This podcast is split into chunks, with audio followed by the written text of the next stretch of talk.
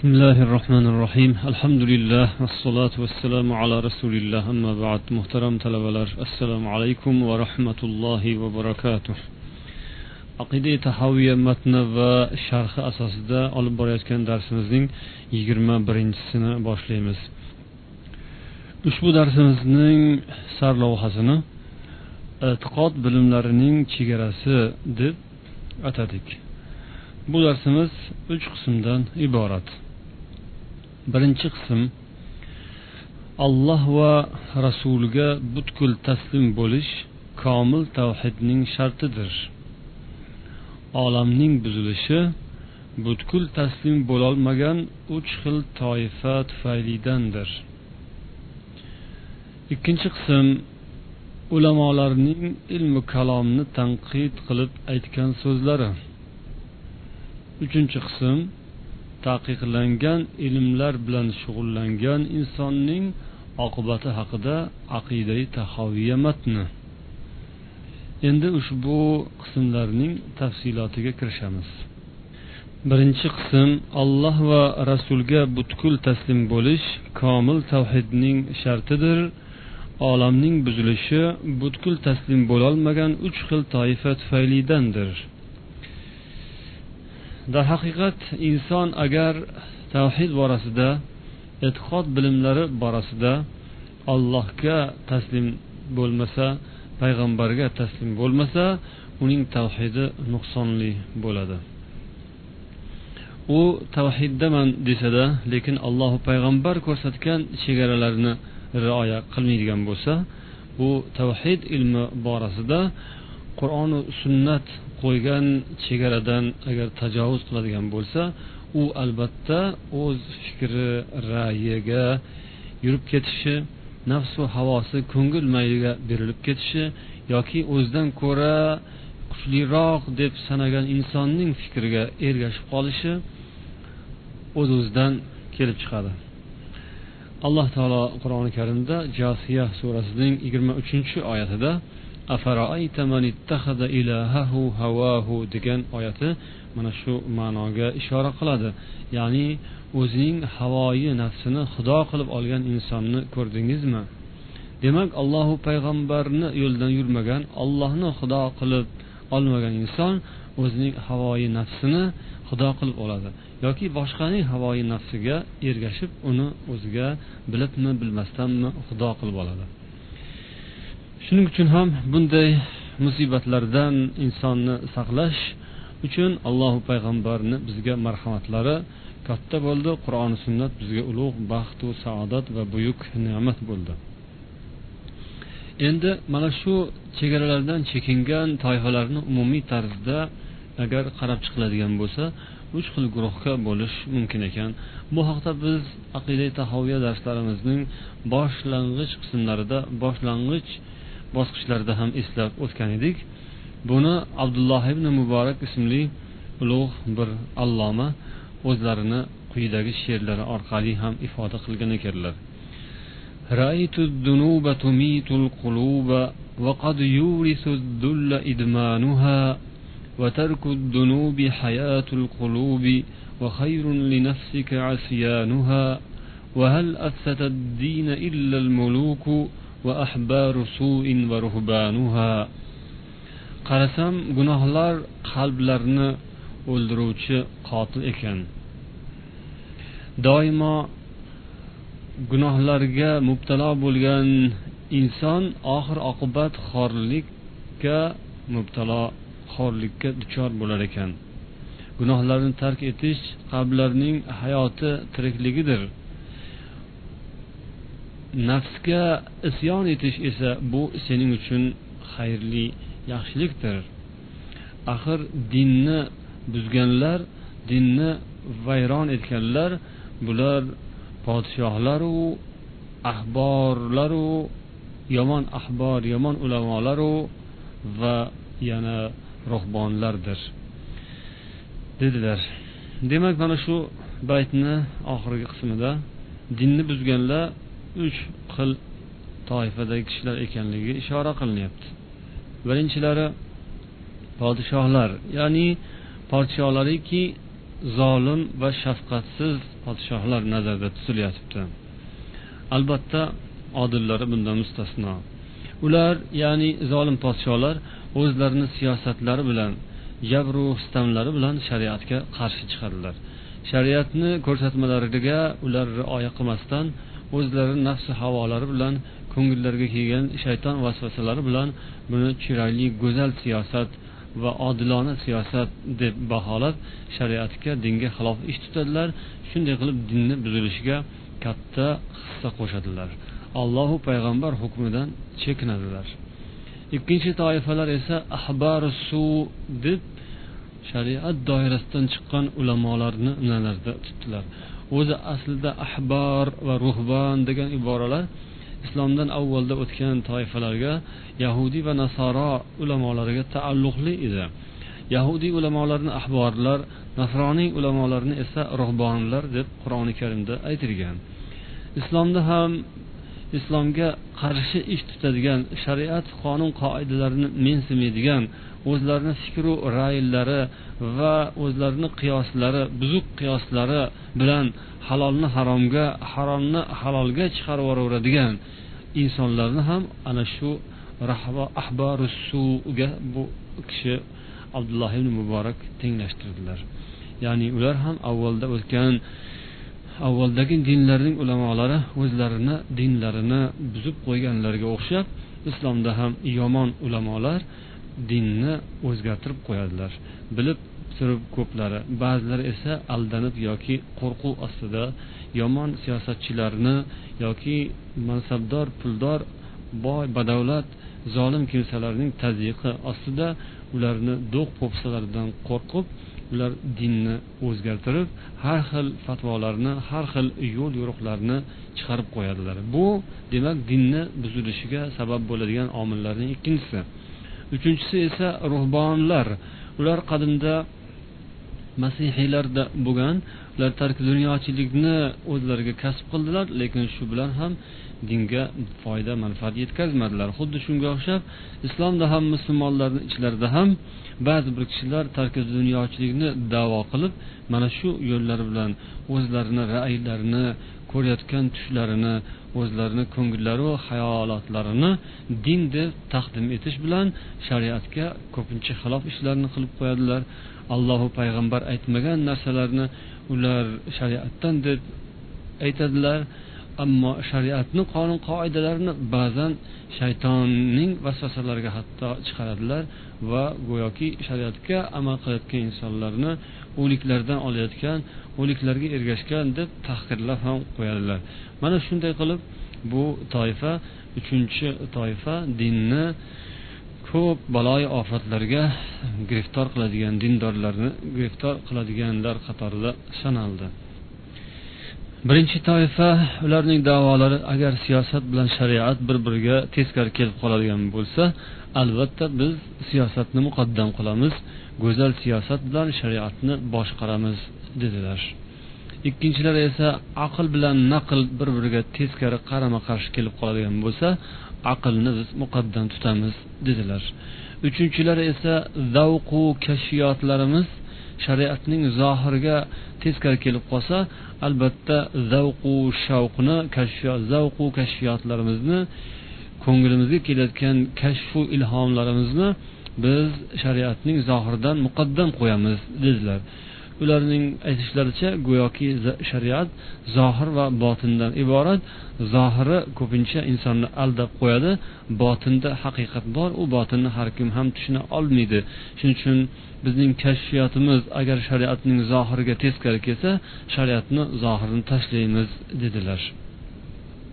Ammo bu so'zlar judayam xatarli so'zlar bo'lib inson agar chinakam tavhid chin e'tiqod sohibi bo'lgan inson bo'ladigan bo'lsa bunday so'zlarni aytishdan nihoyatda o'zini tiyadi va shariatni zohiri mana shu din islom qur'on sunnat va salaf ulamolar barcha e, ashobi mazohiblar to'rt mazhab sohiblarini so'zlari bu dini islomni tushuntirishda ularni tutgan yo'llariga mahkam yopishgan mahkam ushlagan holda alloh taolodan panoh so'ragan holda yo'ldan adashmasdan borishimizni robbimizdan robbimizdan iltijo qilgan holda davom etamiz. Endi darsimizning ikkinchi qismi ulamolarning ilmi kalomni tanqid qilib aytgan so'zlari. Bundan avvaldagi darslarimizdan ma'lumki ko'p ulamolarimiz ilmi kalomni tanqid qilganlar jumladan imom g'azzoliy ham o'zlarini ihyoil ulum kitoblarida kalom ahli faylasuflarni qattiq tanqid ostiga olganlar. Mabodo shu ish bilan shug'ullanish ilm bilan shug'ullanishga agar zarurat tug'ilganda ham buni o'lchab bir biriga taqqoslab ko'ramiz. Lekin oxirida hisobni oxirida qarasak foydasidan ko'ra zarari ko'proq ekan degan xulosaga kelganlar. Salaf ulamolar barcha o'tmishdagi imom degan ulug' nomga musharraf bo'lgan imomlar ulamolar bu kalom ilmidagi istilohlarni yangicha tarifu termin istilohlarni zikr etishni o'sha istilohlar bilan gapirishni karih ko'rishgan ekan. Lekin ularni bu karih ko'rganlari o'sha istilohlarni yengiligida emas balkim o'sha qo'llanayotgan istilohlar ham to'g'ri ham noto'g'ri narsalarni ham ham haqiqatu ham botilga ham yurib ketaveradigan u yoqqa ham bu yoqqa ham bursa bo'laveradigan holda qolgani uchun ular undan o'zlarini tiyganlar. Va bunday ilmlar bilan shug'ullanish xatarli ekanligini ko'p ta'kidlab ogohlantirganlar.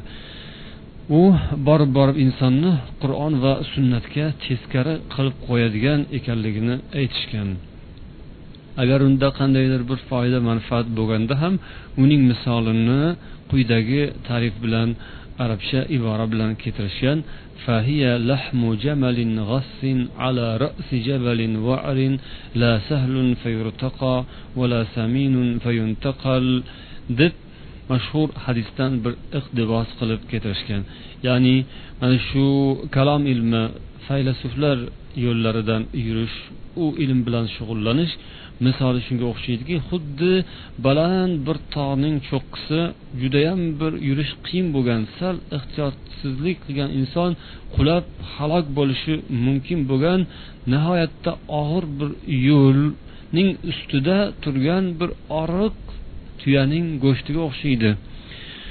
U tuya shunaqayam bir ozg'in tuyaki uni yeb inson biron bir maza topmaydi barakat topmaydi.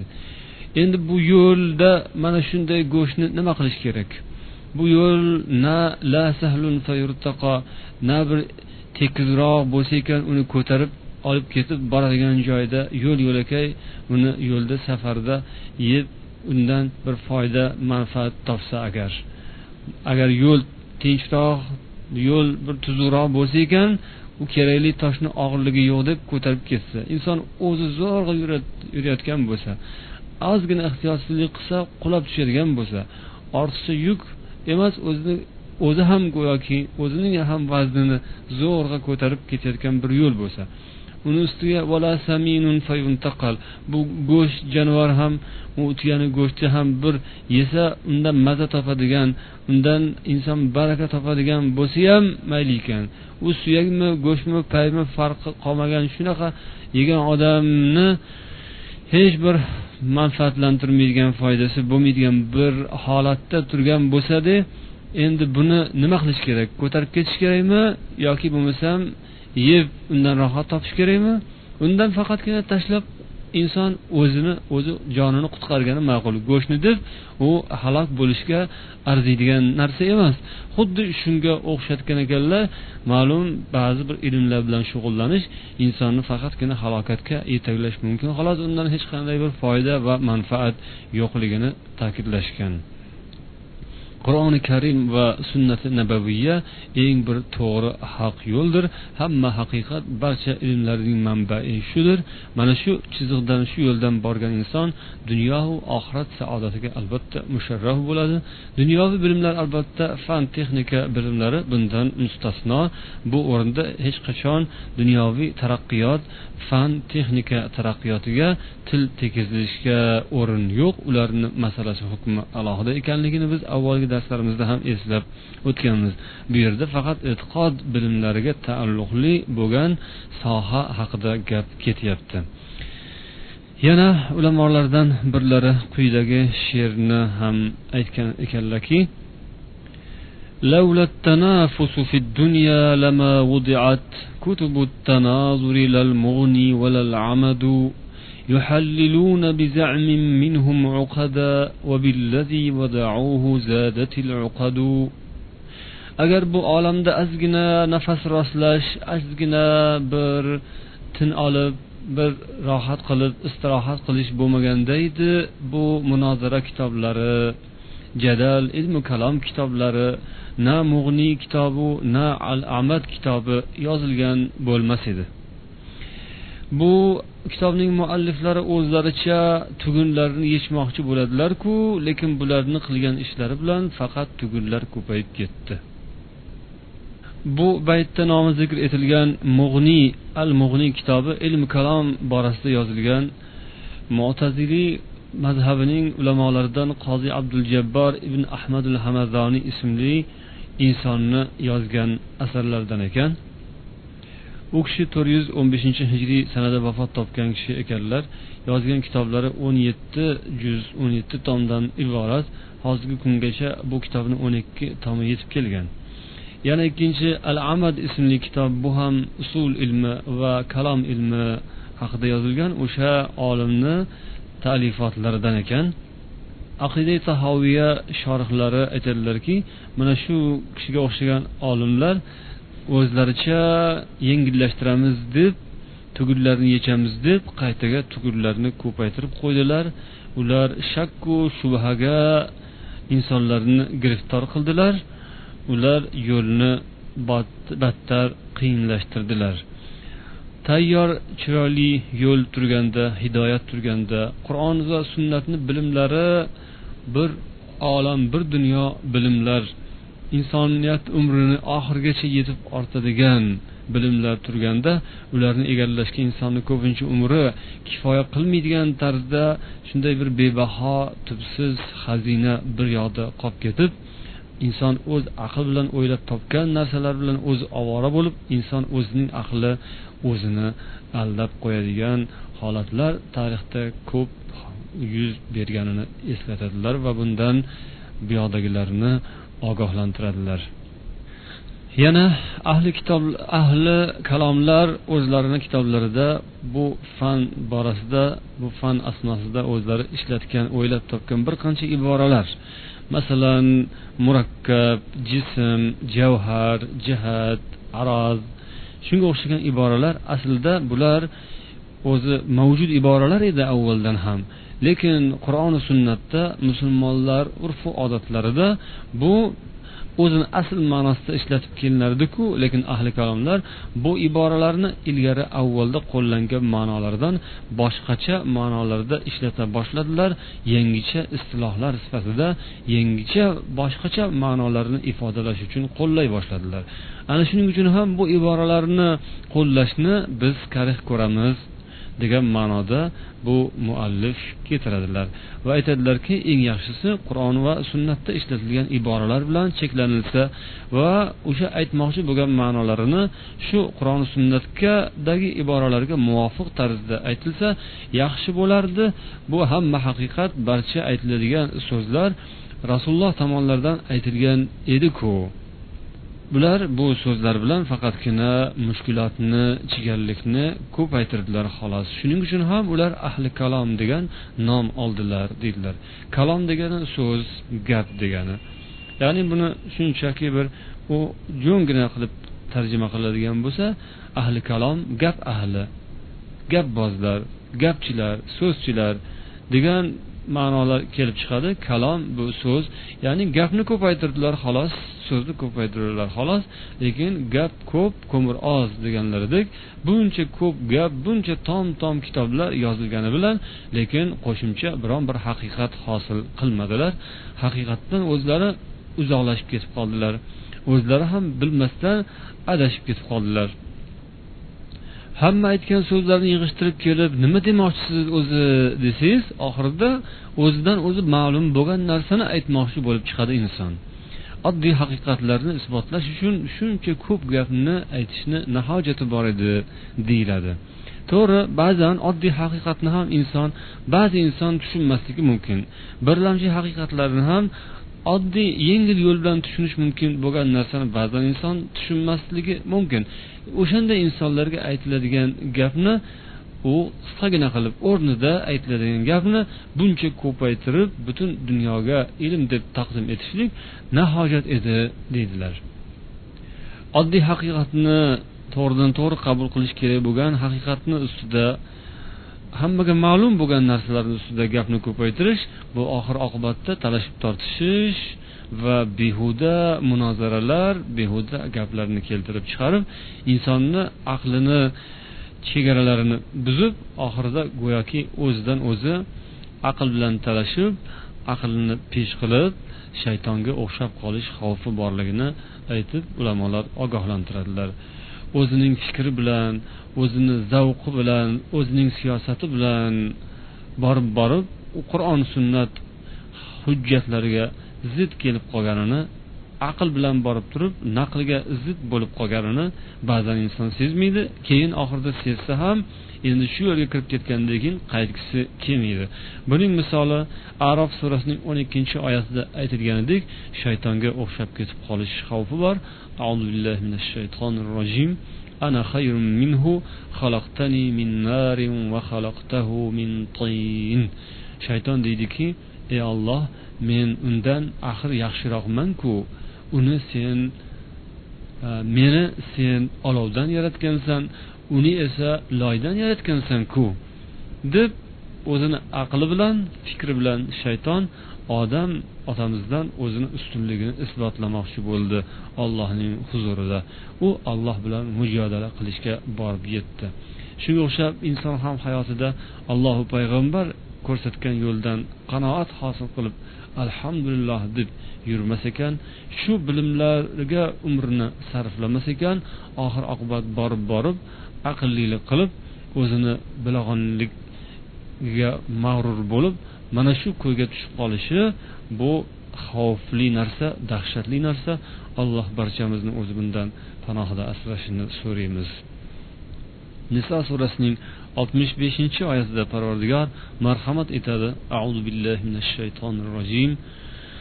فلا وربك لا يؤمنون حتى يحكموك فيما شجر بينهم ثم لا يجدوا في أنفسهم حرجا مما قضيت ويسلموا تسليما parvardigoringizga qasamki insonlar to sizni o'z o'rtalarida paydo bo'lgan munosabatlarga sizni hokim qilib olmagunlaricha keyin shu munosabatlar shu mojaroyu masalalarga sizni bergan javobingizni hech bir qalblari qiynalmasdan og'rinmasdan ochiq ko'ngillik bilan qabul etmagunlaricha ular chin mo'min bo'lolmaydilar.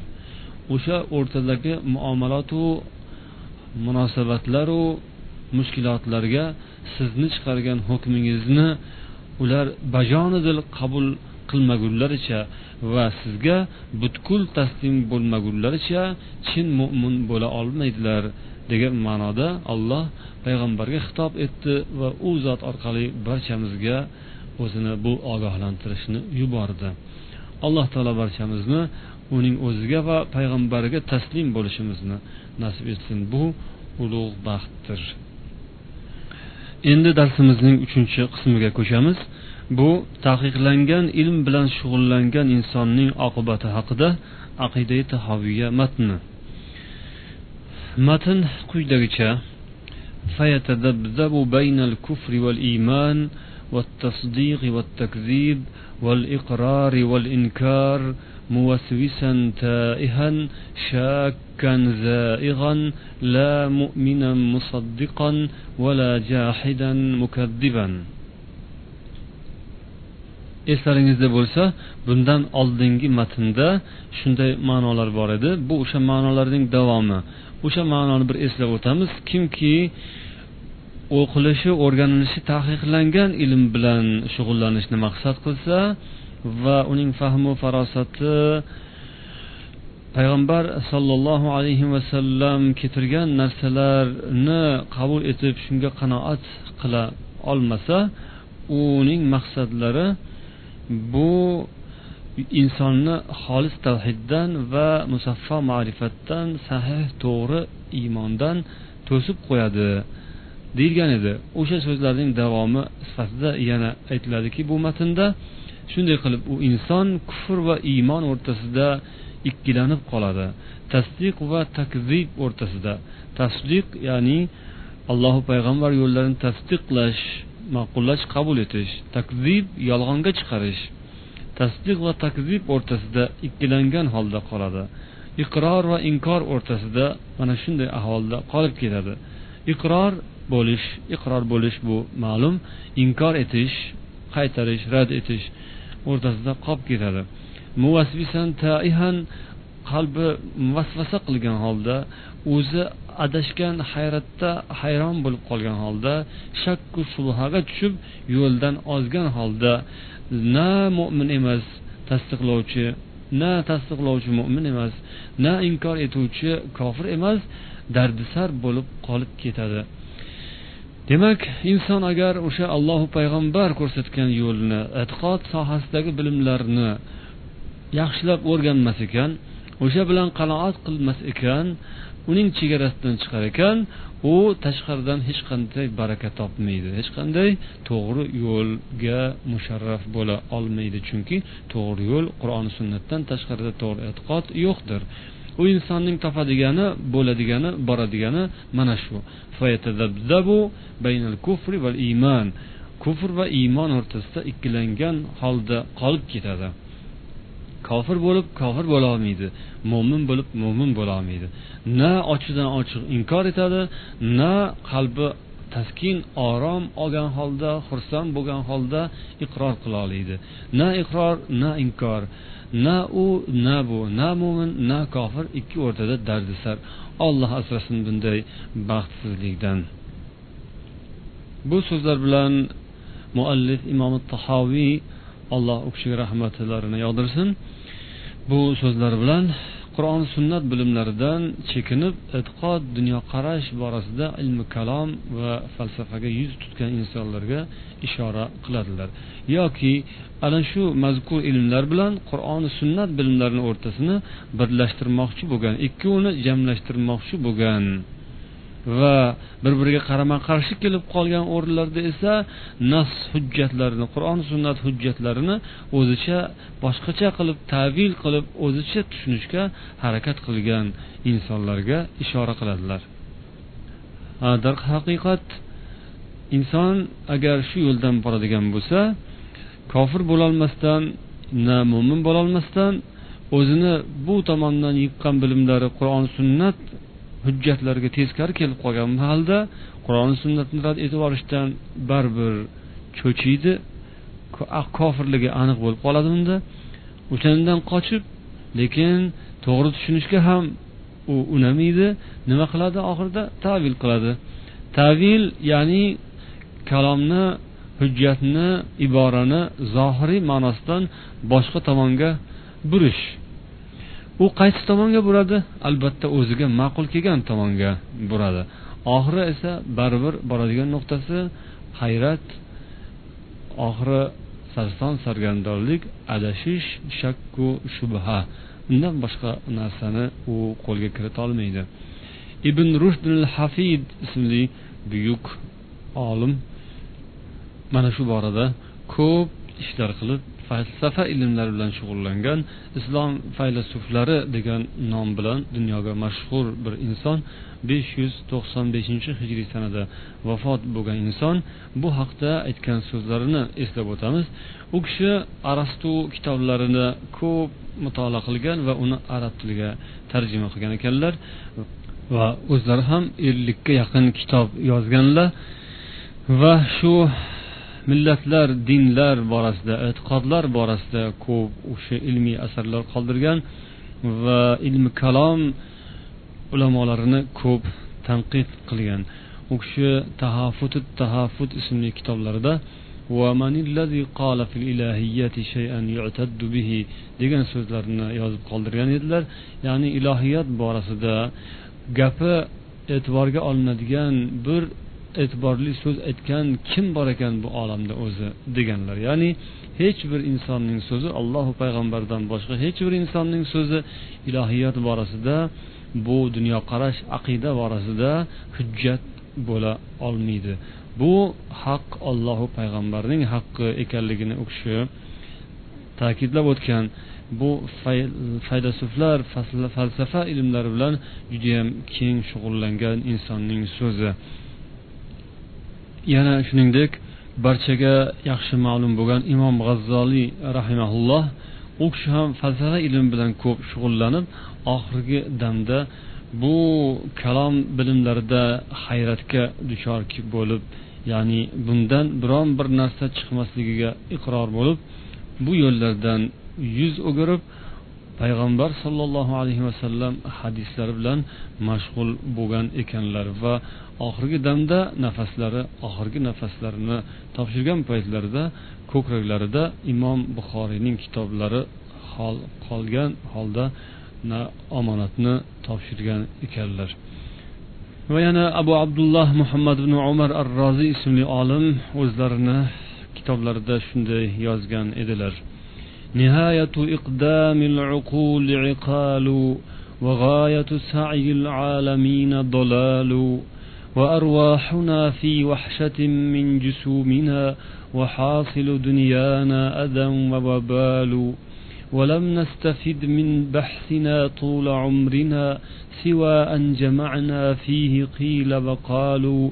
فكم قد رأينا من رجال ودولة فبادوا جميعا مسرعين وزالوا وكم من جبال قد علت شرفاتها رجال فزالوا والجبال جبال bu baytni imom sabukiy o'zlarini tabaqoti shafiiya kitoblarida va yana vafiyatul ayon kitobida keltirilgan ma'nosi shundan iboratki aqlni jilovni bo'sh qo'yib yuborishning oxir oqibati iqoldir.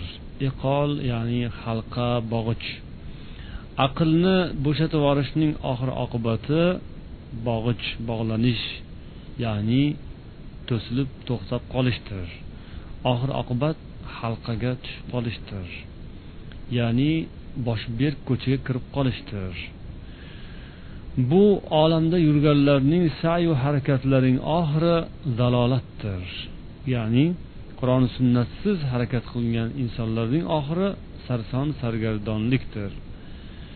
Bizning ruhlarimiz jonimiz jasadlarimizda bir vahshatda qo'rqinchdadir. Bu dunyomizda yurish turishimizdan oxiri to'plagan hosilamiz aziyatu ozorlardir zararu zahmatdir.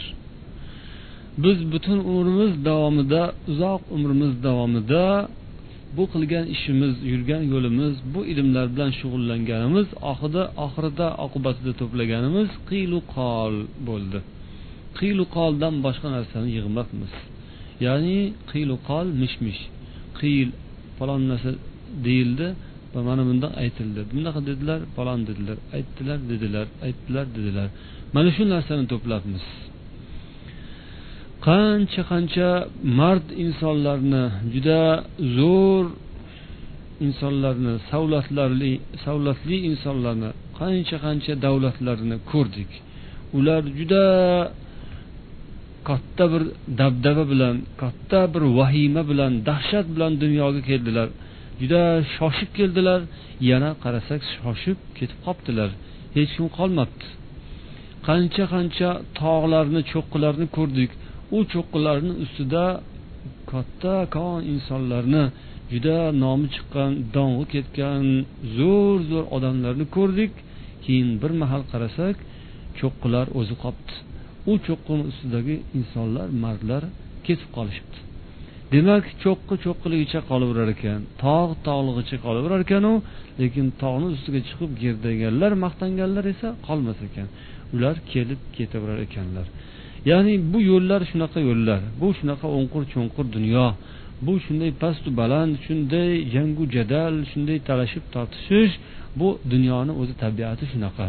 Bunga kelib ketadiganlarni ko'pi adashadilar qoqiladilar yiqiladilar qaytib turmaydilar. Faqat bitta yo'l bor u ham bo'lsa qur'on va sunnat yo'li. Shundan yurgan insonlar bu tog'u toshlar orasidan bu cho'l biyobonlar orasidan adashmasdan yuradigan odamlar ana shular. Ammo undan boshqalari u baland baland tog'larni tepasiga chiqadilar lekin baribir tushib ketadilar tog'lar tog'lig'icha qolaveradi. Ana shunday baland tog'ni cho'qqisiga ko'tarilgan insonlarni biri sifatida muallif shayx abu abdulloh muhammad ibn abdul karim ash shahristoniy ismli olimni keltiradilar. Bu kishi xorazm va nisobur o'rtasida bir shahriston degan joyda tavallud topgan. U kishi ilmi kalom borasida juda ham katta olim bo'lgan. Faylasuf islom faylasuflaridan degan nom bilan dong'ilari ketgan. Juda ko'p asarlar yozgan va o'zlarini juda ham bir aqlu zakovatli va juda bilimlari chuqur inson sifatida falsafani qattiq himoyachisi sifatida nomlari dunyoga tanilgan. Bu kishi haqida tarixchi yaqut al hamaviy o'zlarini kitoblarida yuqoridagi ta'riflarni keltirgan. Al faylasuf al mutakallim sahib tasanif كان وافر الفضل كامل العقل ولولا تخبطه في الاعتقاد ومبالغته في نصرة مذاهب الفلاسفة والذب عنهم لكان هو الإمام deb ta'rif bergan ekanlar ya'ni bu kishi mutakallim faylasuf ko'p mualliflarning ko'p musannafotlarning muallifi juda fazlu fazilat sohibi aqlu zakovatda ham ko'pchilikni qoyil qoldirgan lekin e'tiqod borasida biroz adashishlari bo'lgan. Agar e'tiqod borasidagi adashishlari bo'lmaganda va faylasuflar mazhablarini qattiq turib himoya qilmaganda islom tarixida buyuk imomlar qatoridan o'rin olgan bo'lardi. besh yuz qirq sakkizinchi yilda vafot topgan degan tarixni yoqutul hamaviy o'zlarini kitoblarida keltirganlar. U kishi shunday bayt qoldirgan ekan ya'ni abdul karim shahristoniy لعمري لقد طفت المعاهد كلها وسيرت طرفي بين تلك المعالم فلم أر إلا واضعا كف حائر على ذقن أو قارعا سن نادم. qasamki barcha mahadlarni barcha ilm o'choqlarini kezib chiqdim. Barcha alomatlar belgilarni hammasini ko'zdan kechirdim birortasini ham qoldirmadim lekin men ko'rganim faqatgina hayratdan yoqasini ushlagan faqatgina iyagiga qo'lini tiragan afsusu nadomatda qolgan insonlardan boshqalarni ko'rmadim. Hamma bu ko'chaga kirgan bu ilmlarni o'qigan lekin oxirida biron bir qat'iy qarorga kelolmagan insonlarnigina ko'rdim xolos. dedilar bu kishini ushbu baytlariga muhammad ibn ismoil al amir quyidagi bayt bilan javob bergan ekanlar لعلك أهملت الطواف بمعهد الرسول ومن لاقاه من كل عالم فما حار من يهدى بهدي محمد ولست تراه قارعا سن نادم ha siz shuncha mahadlar ilm dargohlarini kezibsizu lekin rasulullohning ilm dargohlarini u kishining madrasalarini va u kishiga yo'liqqan insonlarning madrasalarini siz e'tibordan chetda qoldiribsizda. Bu zot muhammadning hadyi yo'liga kirgan insonlar u kishini yo'lidan yurgan insonlar hech qachon hayratda qolmaganlar. Ular hech qachon afsusu nadomatdan boshlarini ushlamaganlar. Siz boshqalarni ko'ribsizu lekin muhammad alayhissalom madrasalariga kirmassizda deb javob bergan ekanlar. Yana abul muali al juvayniy rahimaulloh ismli bir ulamo aytgan so'zlari ya ashabana la tashtaghilu bil kalam falau araftu anna al kalama yablughu bi ila ma balagha bi mashtaghaltu bihi. Ey birodarlarim ilmi kalom bilan shug'ullanmanglar. Agar kalom ilmi meni bu ahvolga solishini oldindan bilganimda bu nuqtaga olib kelishini oldindan bilganimda men bu ko'chaga kirmasdim bu ilm bilan shug'ullanmagan bo'lardim. Degan edilar. Va u kishi vafot etayotgan chog'larida aytgan so'zlari ham shunday. لقد خضت البحر الخضم وخليت أهل الإسلام وعلومهم ودخلت في الذي نهوني عنه والآن فإن لم يتداركني ربي برحمته فالويل لابن الجويني وها أنا دا أموت على عقيدة أمي vafotlari chog'ida aytdilarki men bir tubsiz okean dengizga sho'ng'ib ketdim. Ahli islomni va ahli islom bilimlarini chetga surib qo'ydim. Meni kirmagin deb qaytargan narsaga kirib ketdim. Va mana qarang endi hozir esa agar parvardigorimning rahmati menga ham nasib etmasa agar robbimning ozgina rahmati menga tegmasa endi mendek ibnul juvayniyning holiga voy bo'lsin. Endi ahvolim nima bo'lishini bilmayman. Mana man shuncha narsa o'qib o'rgandim oxirida endi onamning aqidasi bilan o'lyapman. Yoki qola ala aqidati ajaizi naysabur nisaburlik bir kampirning aqidasi bilan o'lyapman. Ya'ni menga endi jonimga aro kiradigan menga asqotadigan narsa bir kampirning aqidasidir. O'sha kampir onamning aqidasi bilan agar o'lolsam o'sha kampir onamdan olgan boshlang'ich e'tiqodim bilan agar ketolsam bu dunyodan shundan umid etaman. Alloh taolo meni mana shu onamdan o'sha besavod kampir lekin bir mo'mina muslima o'sha to'g'ri yo'ldan berilgan o'rgatilgan e'tiqod ilmiga qanoat qilib o'sha bilan ibodat bilan taqvo bilan o'tgan bir ilmsiz bo'lsa ham lekin ahli sunna va jamoa ulamolaridan olgan ozgina ta'lim tarbiyasiga amal qilib o'tgan bir besavod kampirni e'tiqodi bilan ketyapman. Boshqa o'qigan bilganlarim ko'rgan kechirganlarimning hammasi bir tomonu o'sha bir besavod kampir nisoburlik bir kampirning e'tiqodi ham bir tomon bo'lib qoldi. Hozir shu bilan ketyapman mani suyanadiganim meni umid etadiganim alloh menga rahmatini nasib etarmikan deb umid qilganda asosim mana shu deb dunyodan o'tgan ekanlar. Muallif yana shamsuddin xusrov shohiy ismli bir mashhur olim haqida ham keltiradilar. U kishi fahriddin roziy ismli allomaning katta ulug' shogirdlaridan edilar. U kishini oldilariga bir kun o'sha zamonning yaxshi insonlaridan taqvoli insonlardan bir kishi keldi. Shunda u odam ya'ni shamsuddin al husrav shohiy degan inson bu kishi haqida imom sabukiy e, tabaqoti shafiiya kitoblarida shunday ta'rif beradilar. Ya'ni u kishi husrav shoh ismli bir e, Э, qishloqda tavallud topgan maru yaqinida. Asli shofiiy mazhab mutakallim. Bu kalom ilmida judayam buyuk kishilardan bo'lganlar. Mana shu ma'qulot aql bilan ish tutish demak shariatni aql bilan qabul etish borasida ya'ni mo'taziliylar tutgan yo'lda bu kishi juda ham mashhur bo'lgan inson. Bir kun huzurlariga u kishini oldiga o'sha zamonning taqvodor kishilaridan bir kishi kirgan paytlarida unga savol berdi. Ya'ni ma ta'taqidu? Sizning e'tiqodingiz qanday qanday e'tiqod qilasiz? Nimaga e'tiqod qilasiz? U kelgan mehmon aytdilar musulmonlar qanday e'tiqod qilsalar men ham o'sha narsalarga e'tiqod qilaman. Siz mana shu aytayotgan so'zingizga qalbingiz bilan chin dilingiz bilan ishonasizmi? Shu musulmonlar e'tiqod qiladigan narsaga siz e'tiqod qilib ko'nglingiz orom oladimi? Dilingiz taskin topadimi? Kelgan mehmon ha deb javob berdilar. Xusrov shohiy bunga javoban ushkurulloha ushkurillaha ala hadhihi ni'ma siz bu ne'mat uchun alloh taologa ko'p shukur aytsangiz bo'lar ekan.